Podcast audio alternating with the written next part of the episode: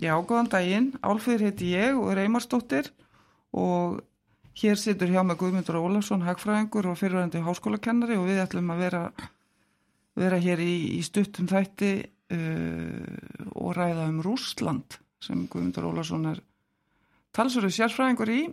Læriði þar á sín tíma, verður velkomið Guðmundur. Takk að þið fyrir. Já.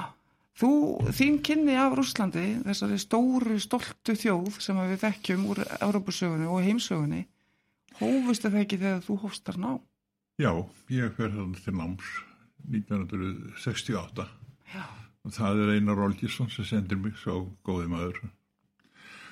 Ég hafði nú verið í lesringi hjá honum og, og Brynjóli Bjarnasinni og, og mikill komi og fór uh, fekk að, að fara austur til náms og hérna ég stundum dreyja þetta saman að ungur kommunisti fer til náms og finnur krist.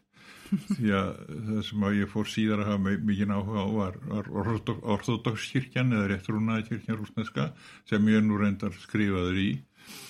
En, en, en, en þegar maður er um tvítugt og fer til útlanda og dvelur elendis einhvern tíma þá er það einhvern veginn þannig að maður fer aldrei frá þeim staðattur og þú þekkir þetta til dæmis með ímsa menn sem fara til Frakland sem tvítugt.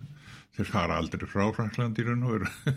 Þannig að það má segja að hluta til hefur, hefur hérna huguruminn verið hjá rússum í, í hérna meirinn 50 ár. Já, þannig að þú átt föðurland og svo áttu móður Rúsland, þeir tala um móðurlandir já, já.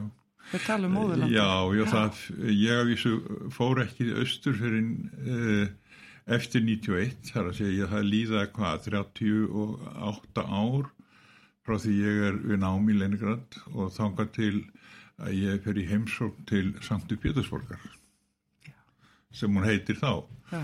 Og þá er, þá er þetta orðið svo grimt að það búið breytur nafn á öllu til dæmis skólinn sem ég var í, hann hétt áður Ingenjör-Institut Íminni Kalin þar að segja verkfræði stofnun í nafni Kalinin Já. en Kalinin var einn af svona byltingarlega tónum en þegar ég kem þarna hérna, eftir 91 það er, ég man ekki hvað orða var hvort það var 2001-2002 þá heitir skólinn ekki lengur en það er ekki lengur en kendur við Kalinin heldur heitir Ingenjör Institut Pjótr Pjærfava Péturs fyrsta eða Péturs mikla. Þá er hann kendur Pétur mikla og svona er þetta allt. Borgin hér Leningrad og var kölluð sínu upprunlega nafni hérna samt í Pétursborg. Það voru kostningar 1991 og 7. november 91 þá er formlega síftur nafn.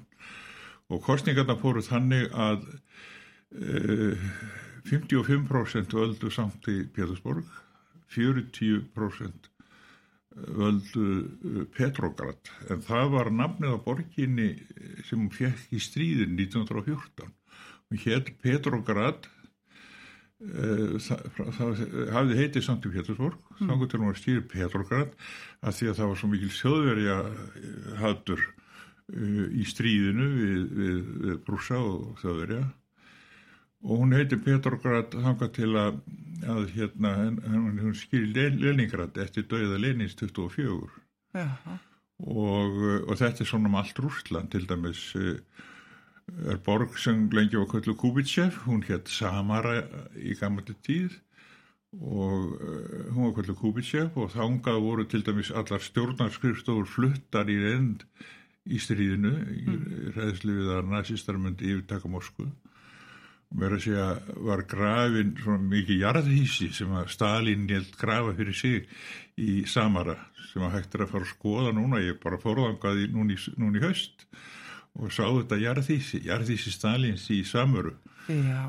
og en þessi borg hún hétt sem sé á tímanbili Kubitschev eftir uh, byltingarleitóa en tók tekur aftur nafnið Samara Þannig að þeir hafa farið í raun og verið með nafngiftinnar mislangt aftur. Nei, þetta er nú yfirleitt þannig að það eru byltingarleitóar sem að fá borgir kendar við sig. Já. Ég hugsa að síðasta tilröndin til að skýra borg í nafn byltingarleitóa það var eitthvað smáborg í Úkrænu og það var tillaga um að skýra, skýra hann í höfuð og bresnef Já, en þá gáðust menn upp það, það ekki ekki upp að kalla borgina Bresnef og eitthvað svoleiðis heldur endaði með því að það var kafbátur sem var kallað að Bresnef já og þeim þótt það svolítið við hæður úr svona þeir eru fyndnir Já, kalla þeir eru kafbátin. Bresnef Já, já, Já. þeir eru skemmtileg. Þetta er stórbrotin saga þessa Já, land. já, En ég held nefnilega að, að margir í nútímanum og sérstaklega kannski unga fólki að það sem að, það þekkir og veit um Rúsland að það er þessi kommunismi sem að já er það- talað um frá gömlu Sovjetríkjunum og svo núna þekkja já, já, og svo þekkja allir núna Putin og það lítur svolítið á hann hér á Vesturlöndin sem harstjóra Já, já, og það er mjög skrítið vegna þess að nú veitum við að það fóru fleiri þúsund Íslendingar eh, að fylgjast með fótbolta í Rúslandi og allir þeir sem ég hef talað við sem fóru til Rúslands, þeir ljúk upp einum málum það hvað hefði verið gott að koma til Rúslands já, og ég tek eftir því líka að það er ekki talað við neina af þessum í fjölmjölum, útvarpi eða blöðum. Ekki, það er ekki rætt svolítið fólk, að þeim líkaði vel. já þannig að þér finnst umræðan hérna kannski heldur einhliða Já, það er alveg auglust mál að, að fjölmiðl að draga taum Vesturlanda og Bandaríkjana. Nú þetta er nú kannski vegna þess að eh, Bandaríkjumenn hafa mjög sterk tök á Íslendingum, geta farið illa með og efnagslega, þannig að það er, menn verða að fara á aðlega, kakvart Bandaríkjumennum, því að þetta er kúandi stórveldi, það vita menn. já. en svo Og- þekkjum við pírata náttúrulega Rúsland líka í gegnum Snóten sem Já, að leitað að náði rússa eftir að, að miklu kaplaupi bandaríkjamanna á eftir honum Já, já, það er alveg rétt. Eh, Sko, það er eins og að eh, sko, hlutverkum sé snúi við frá því á sovjettímanum. Það sem að ríkti grimdarleg kún og almenningi og bandaríkjumenn voru tákn frelsis og líðræðis.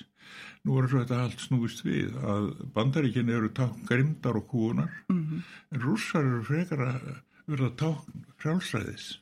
já, og þetta hefur nátt gest í sögun áður en til þess að átta sér betur á þessu er kannski rétt að maður byrja nú á því að, að sko, það verður þetta best að byrja fyrir þúsund árum sko, þeir hafa sögu uh, frá því svona alveg að krispurði já. Og Rúsland byggist frá Vestur-Európu mm Uh, það eru ættflokkar sem að búa þarna á steppunum og eru í miklum átökum. Það gerist til dæmis í Ukrænu sem er svona vaggar Úslands að uh, í kringum svona ja, 600 þá myndast þarna ríki og þeir fara þessu leiti vikinga að þeir komi úr stjórniðum og verið í yfirstjætt og það eru fegnir vikingar frá uh, hérna, Svíþjóð. F- frá aðeinu svo nefnda í, í Róistin í, í Svíþjóð. Þau eru vegnar að koma til Rúslands og gerast yfirstjætt og þeir flýta með sér lög og það er, það er skrifuð niður fyrsta lögbókin þannig hún er nokkur einn svona ætt, sögma ættar og gamli sáttmáli og, og gömlu lögin okkar. Já, og þetta eru lög sem að, eh, er svona þessi germanski réttur. Og þetta eru fyrstu lögin sem þeir kynnast og fyrsta réttaríkið og í þessu lögum þá til dæmis er þessari yfirstjætt þeim er heimilaður eyður til þess að sanna saklýsi sitt en ekki slögunum skilur það er, Já. það er greinileg stjættaskipti í lögunum. En þetta er nú gam, gamal uh, gömul lögbók sem kallaði Staraja Prata eða gamli réttur. Já, og, og þetta uh, ríkisform sem er þarna í kringum þúsund það uh, leggst af þegar mongólar leggja undir sig um, stærstan hlutar Úslands að miskosti söður hlutar Úslands já, og mongólar áða þarna í mistakosti 100 ár, 150 ár.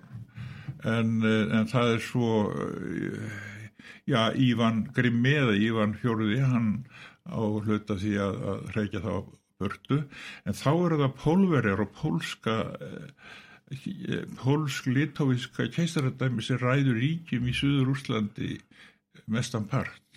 Þáka til að, að þeir eru hraktir burtur Úslandi í kringum 1610 og að sömuleyti þá er það mikil þjóðatíða dagur í Úslandi til að halda upp á það að það hefur verið unni sigur á pólverjum Þannig að menn skulle ekki halda að, að, að pólverjar séu alltaf hérna í goða barni í þessum átökum. Það var ekki. Nú svíjar, þeir eru eður ríkjum til dæmis yfir þessu löndum við Eistrahall, mm. eður yfir Baltísku löndunum og Pólandi. Já. Nú Pétur Mikli, hann lendir í átökum við rúsa sko um eh, 1700 og eh, þeir eru í styrjöld við Narva um 1700 sem að eh, Karl XII er í raun og veru síðra rúsa og það er raun og veru í eina skipti sem að ellendur hér hefði getað lagt Rúsland undir sig. En Karl XII skildi það ekki og þeir takast aftur á nýjarum síðar í Poltava Já. 1709 og það tapar Karl XII og sænski herið tapar fyrir rúsum en Pétur Mikli skildi þetta því að hann hafði byggt hersin upp með mikið af þýskum málaliðum hann skipti þeim öllum út nú, nú, og eftir það voru það bara tryggi rússar sem fóru með öllu öll í hernum, hernum. En þetta er einlega upphafið af þróun rússaveldi svona í vesturátt þegar að Pétur Mikli nær völdum Já. og hann degin í kvingum hvað 1725 Já.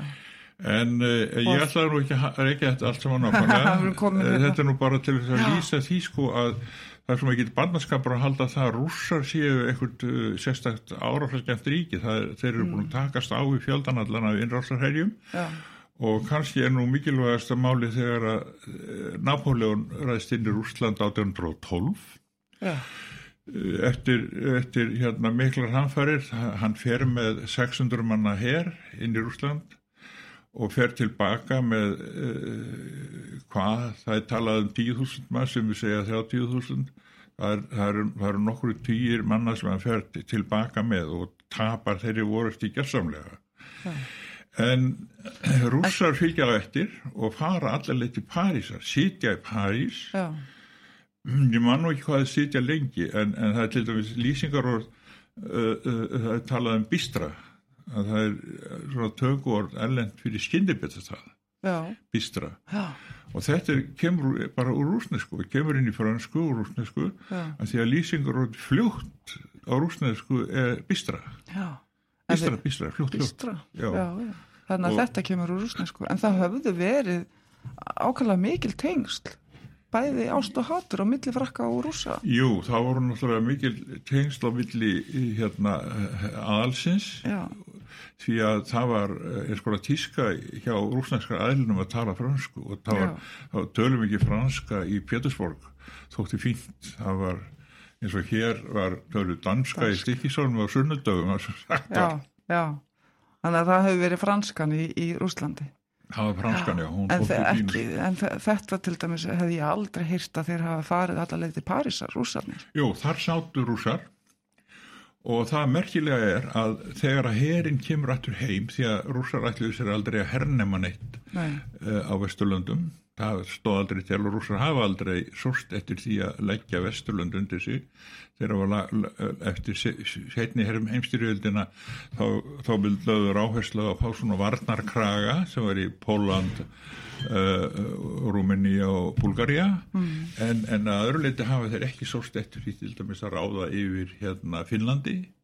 Og þá má segja að þeir gefi Finnlandi frelsi eh, 1818 þá fór finna bara frelsi frá yfirraðan rússa.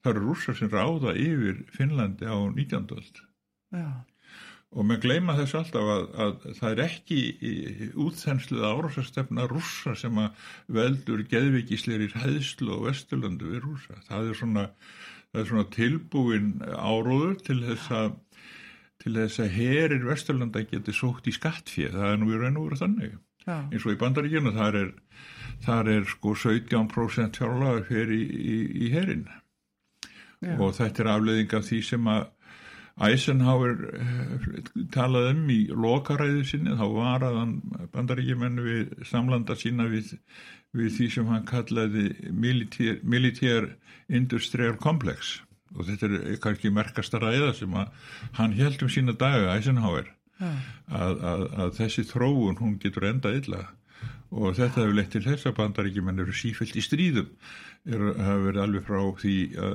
lokum setni heimstyrjaldarinnar þá hafa þeir verið um allar trissur og drepa fólk já. Nú, uh, ef við höldum áfram í Rúsland þá er það Já. þannig að, að eftir 1912 þá fer rúsneski herin frá París og heim til Rúslands en þeir hafa með sér vöru sem þeir flytja inn til Rúslands og það er kannski gleimist alltaf í, í, í hérna, vestrænu sögubókum. Þeir hafa með sér frönsku stjórnabildinguna.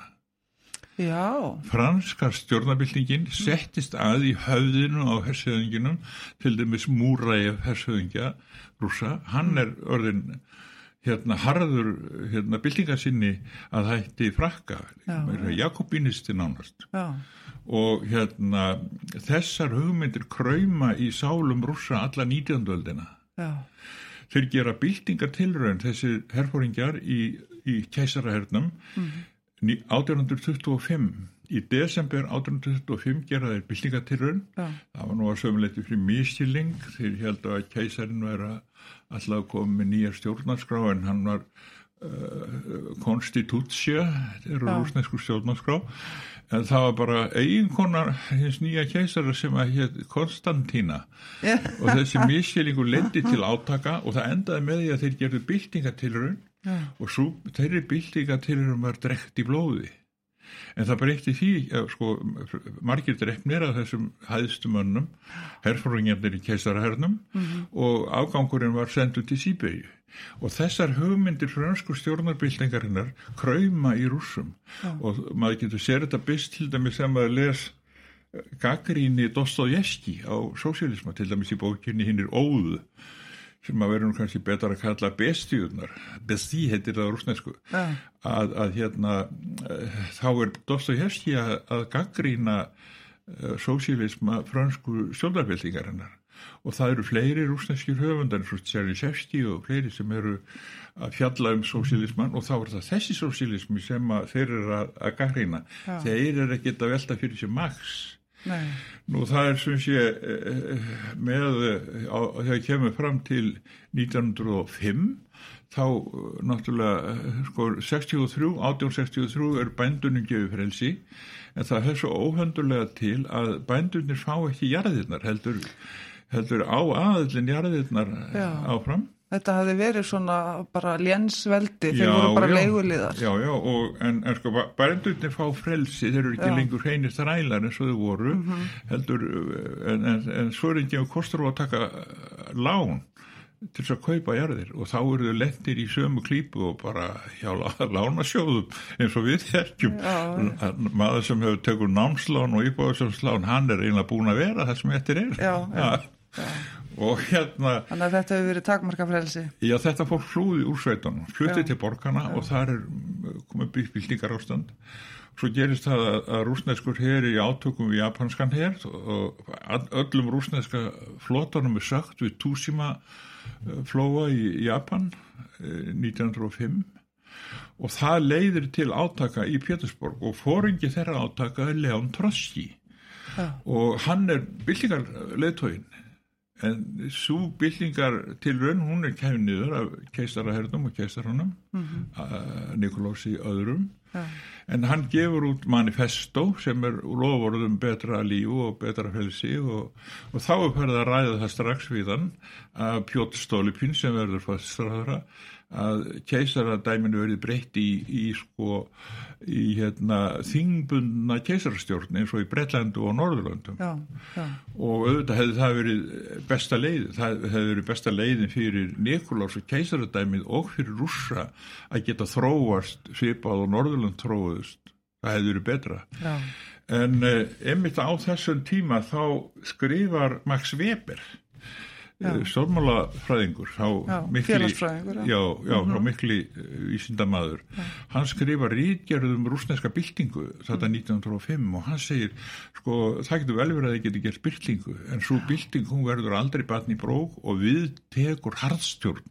Vegna þess að það vantar það sem við á að geta í byltingunni það vantar réttaríkið og það vantar, það vantar miðstjætt og eignarétt já og þegar þú gerir byltingu og það vantar réttaríki og, og miðstjett þá er einstaklingurum varnar lauskakvart valdinu ja.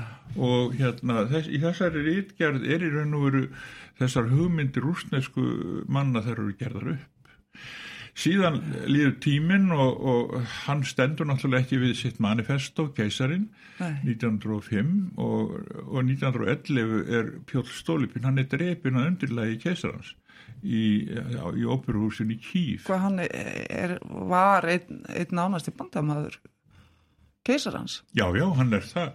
Keisarin, hann, Þannig af hvaða ástæðum já, er- það er bara því að hann er með ranga stefnu, hann vil að keisarin hann er með þessar frönsku hugmyndir. Já, eða alltaf heldur að Já. hann vil að keisarin verið þingið Já, völd og, og síðan sko gerist þetta skömmi síðar að, að, að, að, að, fyrir hefstyrjöldin hefst Mhm. Og, og þá uh, hérna uh, losna nú um margt og þá er uh, í henni gerist það að það er fyrsta bild, fyrirbyltingin er gerð í februar 1917, svo hvernig februarbylting Já. og það verður fórsetisráð þeirra Kerenski, Alexander Fjodorovits Kerenski og hann er gamal skólafélagi Lenins úr barnaskóla. Og þeir eru öldu spáður upp í Uljanovsk þarna austan til í Rúslandi Já, nú uh, en síðan í oktober 24. oktober sem er samkvæmt júlíanska tímatalinu en, en samkvæmt gregorianska tímatalinu okkar, Já. þá er það 7. november það munur hann að 13 dögum eða hvað já, En Lenin og bolsjöfikar gera byltingu já, og það er bolsjöfikarbylting og hún, er gerð samkvæmt hugmyndum Lenins um allræði örugana og það fer á þann veg sem uh, Weber hafði spáð. Það verður umsjöðalust, þetta verður umsjöðalust grimmúðuleg hans harðstjórn. já, Þar sem, að, þar sem allur, allur, allur, allur minn, minnihlutin er skotin, menn sem andaði verður teknar að lífi Já. og, og grimmúðulegast var þetta gagvart sjóliðunum í Kronstadt. Besti hluti í Rauðahessi sem var í raun og veru tryggasti liðsmaður byltingamanna, það voru sjóliðarnir sem voru í Kronstadt eigu sem er rétt fyrir utan Pétursborg. Og þeir gáfu út til dæmis uh, 17 liða stjórnarskrá sem þeir kröðust að þeir sett í gildi sem var krafa um líðræði sovjetana já, ráðin fengi að ráða nema hvað. Trots- það hefur, því hefur ekki verið tekið vel. Sem var bara tekið þannig að Trotski og Tukashevski hersfengi þeir voru sendir með 60.000 manna her og þeir voru allir drefnir Já, já, þessi sjóliðar. Já, nú lengi vel í Rúslandi mátti aldrei ræða þessa sjóliða. Nei, En þetta er kannski eitt hræðilegasta óhapp sem dundi yfir úr að taka þessa manna lífi. Það vísu komast nokkur undan til Finnlands, yfir sundi til Finnlands. Já, og þeir hafa sagt frá því hvað þetta var hróðalegt. já, En eh, svo til að gera nú langar sögur stutta þá kem ég á vettang. já, ég kem þarna sem lítill strákur og fer að læra í skóla í Leningrad eftir stríð. Og ég talaði náttúrulega við herbyggisfélaga minna, vorum saman fjóru í herbyggi voru þá- þeir allir rússar. já, já, Já, þeir það, það, það er hérna þeir, það er ekki nokkur maður kommunisti nei, og þeir bara öfund okkar af því að geta farið í mótmálugöngur já, heim á Íslandi þá voru svona mótmálugöngur og vesen mhm, En þá fattaði ég það allt í einu að, að þetta, þeir- hafi ekki stjórnmálaskoðanir í samræmi við það sem maður held. og, hvern, og hvernig þá? Já, þeir eru bara hafa- því sem kalla Komun. Sovjetstjórninni. Já. Já, sovjetstjórnin hafði enga tiltrú meðal almennings.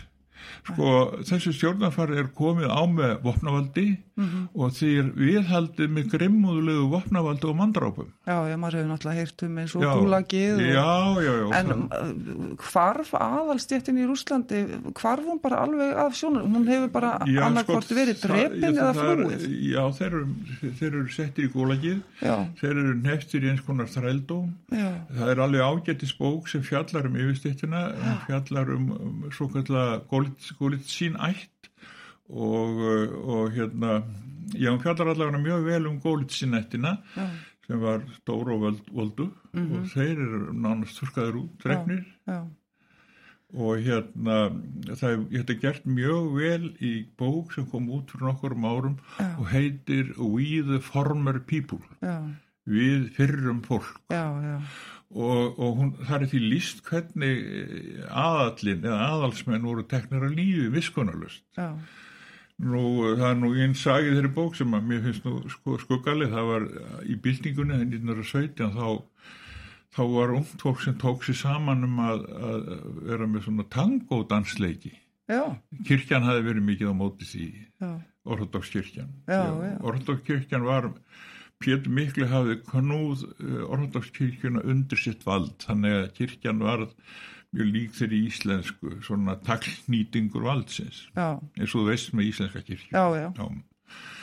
Nú, eh, tango, það, gerist síðan að þessi, eftir að þessi dansleikir hættu 1918 og 19 eh, þá er farið að þá hverfa menn sem voru á þessum dansleikjum Mm. þá hefur einhver skráðu niður nöfnira og enga lauruglan NKVD á þeim árum hún hefur hýrt þessa dansara og drepið þá já, og þetta er, þetta er svo ótrúlegt að maður trúur svo alltaf en þetta myndur verið rétt. fyrir tangodans, þetta er bara hljómar eins og þú terti nú til dags, já, já, það, þetta er svona betur, sko, 1905 þá myndaðist ofsalega sterk pólitíst afl til að berja sér fólki með gleru. Jú, eh, sko, í svona Þetta við svona aðstæður getur allir skrættin skeið Já, já. En En svo- þessir herbyggisfélagar þín, fannst þér þetta vera bara viðþorfi hins almenna rússa?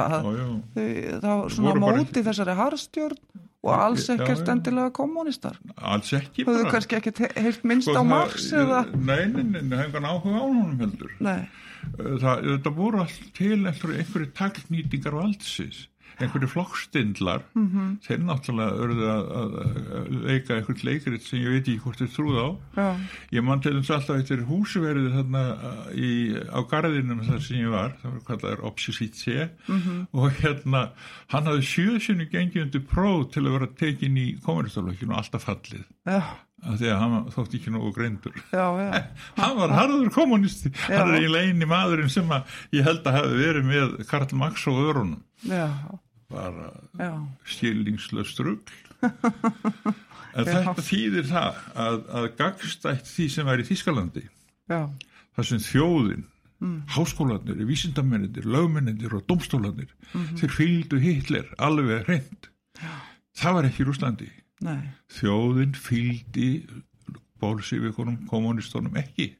Þeir voru bara ekki kommunistar nei, það er hinn mikli munur. Já, og hérna þess vegna gerist það Mm. uh, 1991 já, þegar að Gorbachev missir völdin.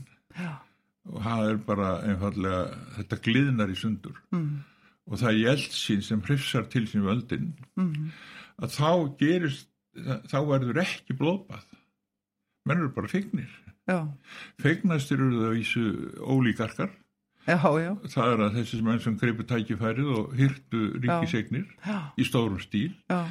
Og það var mér sér gert samkvæmt vestarætni fyrirsögn Mm. að búa til hlutabrif og gefa almenningi. Svo fóru ólíkarkarnir um og keiftu hlutabrifin á almenningi fyrir slikt já, þannig var veiningin í Úslandi uh, að vestrætni ráðgjöf til dæmis manna eins og uh, Sjakk hérna, hagfræðings í Harvard Já, sem var þarna fyrir vestan að ráð, ráðgjöfið já.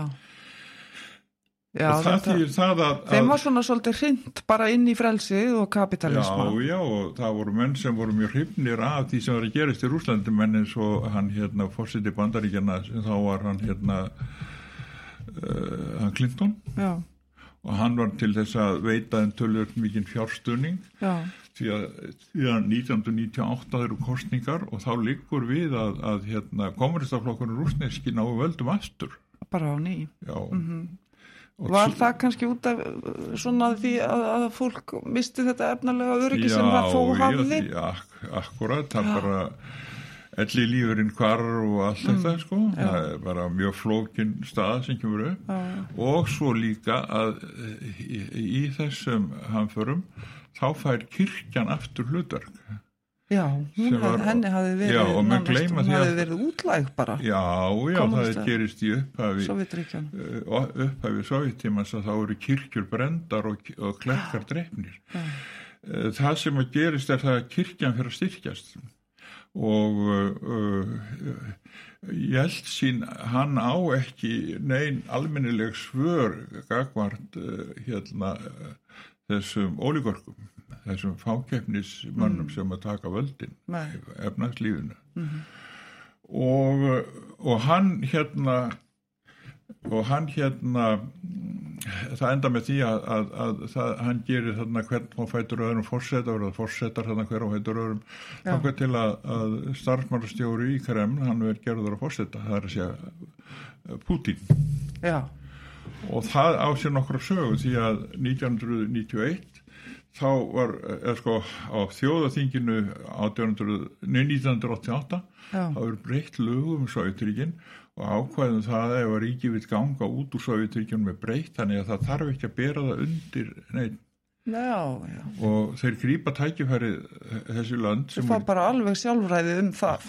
Já, Baltísku landir, þetta eru 15 ríki og 14 mm. segja sjú lögum við Rúsland og, og hérna það er í raun og veru fyrsta skrefið að þeir, þeir, þeir, þetta losnar allir sundur ja. og fáið ykkur bara eins mikið frelsið og getið í ykkur látið sagði sér að verið engamálar á þeirra tjúbæs ja. og að því að hann, hann vissi það að þetta væri ekki þeim ekkert sérstaklega fyrir góði en það er það komið Nei. á daginn að að Baltískulöndin eiga núna í miklu mörguleikum það er hagfræðingur Norður og Akurir sem er að skrifa bækur um efnaðsástandi í í Baltísku Londonum og ja. það er væg að sagt ekki gott. Til dæmis í, í hérna Lítóin ja. þar sem frá 91 þá hefur þjóðinu fækkað um 20% ja. og hvert fólkið, já það bara fer burt, fer til dæmis til Íslands. Margir lítóar hérna. Já. og hvers konar stjórnmálar ástandir í landi þar sem að já, það eru 20.000 pólverir að vinna hér og 10.000 viðbót sem búa hjá þeim það eru kannski 30.000 pólverir sem eru hérna. Já. er það eh, vittspurður um gott efnaðsástandi eða hvað? Nei, það, það er eitthvað mjög mikið að. Og það er það sem er í þessum löndum fyrir vestan Rúsland og til dæmis í Ukrænu núna það er bara skelving, skelvingin einn Já. En hvernig stendur það því að þarna fyrst eftir að Sovjetríkin líðundi lok þá virðist vera mjög hlýtt samband á milli svona vestursins og, og þessa já, gamla austurs. En já, svo það, breytist það og já, það sérstaklega kannski mm. að á vesturlandu sjá menn að kommunismin er ekki lengur fyrir hendi. En þeir ætla að segja bara ekki á því að hann var aldrei fyrir hendi. Já. Þar að segja kommunista hæslan og kommunista áraðurinn hann var alltaf ruggl og hann var fyrst og fremst gerður til að halda upp yfir þessum stopnunum fyrir vestan. Já En hvernig stendur á að það koma þessi yllindi? Konaði mjög snöglega. Já, það gerist að mínu viti upp úr 2012. 2012 þá eiga þér fund saman í Pétursborg, Obama og Kerry og ég hef marg oft reynd að grafast fyrir um hverjar eru, nýð, eru nýðustuður þessa fundar og það er eins og það er að vera engar orðið. Mm. Og það er mín skoðun að þarna hafi hérna, Obama og Kerry einfallega heitt ájaralla sína uh, allt svo Lavrov og Putin. Já, Putin, sko saga Putin sem er mjög merkileg. Hann er nefandi í lögfræði við Pétursborg háskóla og kennarann hans er hérna Anatoly Sobchak. Og það er Anatoly Sobchak sem við elarum það að stjórnarskránu var breytt, hann er ekki þurfti að tilkynna um að klopning Sovjetríkja frá. Já, já. Og, og, og, og hann líka kemur til eðar Sobchak. Já að stærstu borgir kjósa sér borgarstjóra. Já, bein, og, bein, já, í beinum kostningu og hann er kosin borgarstjóra 1991 Sobchak. Og hann byrjar á því að ráða aðstofborgarstjóra Putin, nefnda sinn mm. gamlan og fjármálastjóra Medvedev. Þessi tveir eru fengnir af honum, þessum mm -hmm. mikla manni til þess að taka þátt í að stjórna borginni. Síðan tapar hann borginni í kostningunum 96 Já. það voru svona lengt í einhverju spillingamáli og hann tapar borginni og nú orðið hjartu ykkur þá þetta enda með því að Putin fer frá Leningrad eða Sankti Pétursborg sem hann hétt þá Já. og fer til Moskvu og fer að vinna fyrir ríkistjóðuna og verður starfsmannastjóri í Kreml Já. og það endar með því að hann verður fórseti hann er skipaður af Jeltsin síðan eru kostninga þar átt að vera um haustið 2000 en þeir breytaði þannig að kostningar er hafðan og vorið þannig að það er að mörguleiti stjórnaranstæðingar við slegin vopnin úr höndum stjórnaranstæðinga Já. þannig að, að, að hérna uh, hann rétt skrýður inn og verður áfram fórsiti Já. Putin Þetta er nú gammal trikk úr bókinni að já flýta en, kostningum. já, en eftir þetta Já. eftir þetta þá hefur Putin aldrei farið niður fyrir 60% Nei, og í síðustu kostningum var að komin upp í 86% já. Er það vegna þess að þessi svo mikil húaru og múlegur? Nei, þetta eru eðlar kostningar, það byrður öllum saman á það. Já, en hva, hva, hva, hvernig útskýrur það eins og þessar fréttir sem að við erum að fá eins og Það fréttirnar að púsi ræjot og, og, og, og það að samkynniðum sé og, mótmælendum bara það- stúki það í steinin og, stjórnarandstöðu Já, frambjóðundum. Já, já, það er í, jú, stjórnarnastan, en, en sko púsiræðjart og kynvillingarnir, það er ekki, eða, eða heim, hérna, nota annað orð kannski, púsiræðjart og, uh, hvað segir maður, samkynniður, svo krafa kemur frá kirkjunni. Það er frá rúsnesku og, og, og það enda með því til dæmis að Pútin verður að gangi í kirkjun, hann er núna orðdagsmaður. En var það ekki áður? Nei, nei, nei, Nei, og það er bara þannig að kirkjan hefur öðlast fyrir völd. Í raun og voru miklu meiri því að þeir stjórna ymsum hlutum í samfélaginu, til dæmis eins og þessu. Já, en, en sko stjórnarandstæðingar Mhm. það er erfiðar að stýra það. Það hefur nú alltaf verið harfið ekki gagvar þeim sem eru ósamála, þetta er nú gamli erfur, arfurinn frá Lenín. Mhm. en, en, en ég, ég, ég þór ekki að segja mikið um það. Ég, sko, þessi, þessi andstöðuhópar eru mjög mismunandi. Mhm.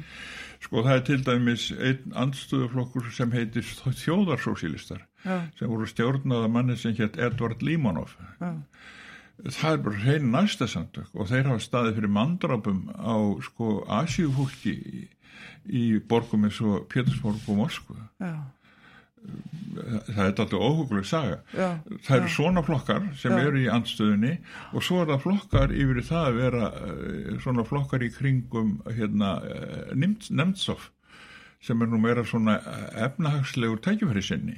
Mm, og, og ég veit það ekki, ég held nú að það sé nú að minka þessi harka gagvart Já. anstíðhópum já, og það er til dæmis í kjölfærið á máli gegn bladamanni sem var settur í fangelsi um daginn. Já, að hann var leistur úr haldi og Já. þrýr lögregluminn settir í fangelsi fyrir það að taka hann. Já, og eh, sko það er lífylýsing frá Jeltsin, nei frá Putin og Medvedev Mm. Að þeirra uh, þeirra draumur sá Mm. að geta komið á fullkomnara réttaríki já, því að ég segi sko, það er allt í lagi með þetta líðræði það er eins og hér á Íslandi líðræðið er fullkomið.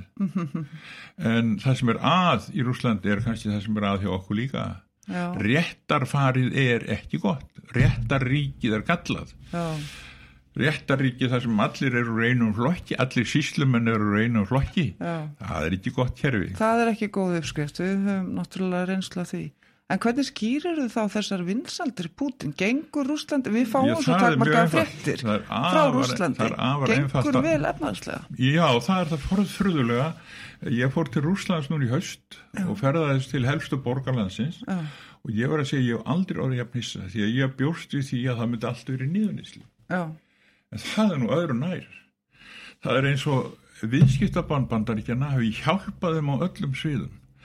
Efnahagurinn er að batna, hann, hann fór niður frá 2015, þá fjalla niður daldið, en núna er, er, er, eru þjóðtekjur og mann komnar upp fyrir það sem var 2015. já, Og ég segi bara, þetta var mikið happ að þið skildu losna við stöðning frá bandaríkjónum. já, er bara blómstra.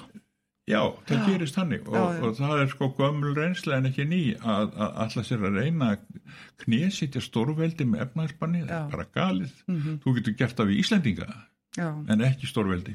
ekki stórveldi. En Rúslandi er stórveldi, við eigum ekki að gleyma Og verður því. það. Já, og En verður svo er líka annað stórveldi sem er mjög mikilvægt að hugsa um sem að er byrjað að kenna okkur að sjó óvinnir okkur líka. Það er verið að segja okkur það að þeir séu svo hættulegir, Já, þessu kynverjar. já, já, En þeir hafa nú samt afrekað það að bjarga fleirum mönnum frá hungursneið heldur en nokkur annar. já. Hey, mér langaði nú að tala um miklu fleira við þig. Við, þetta var nú bara hundavad og við erum ekki eins og komin að Krímska Úgrænu. það, nei, það kostar heilan þátt Já, en ég bara segi það sem að menn verða að muna Já, í Rúslandi hefur aldrei verið neitt sem heitir kommunismi það er bara mísýlingur það er bara miskilingur. Guðmundur Ólason, hægfræðingur, takk að kella fyrir komuna.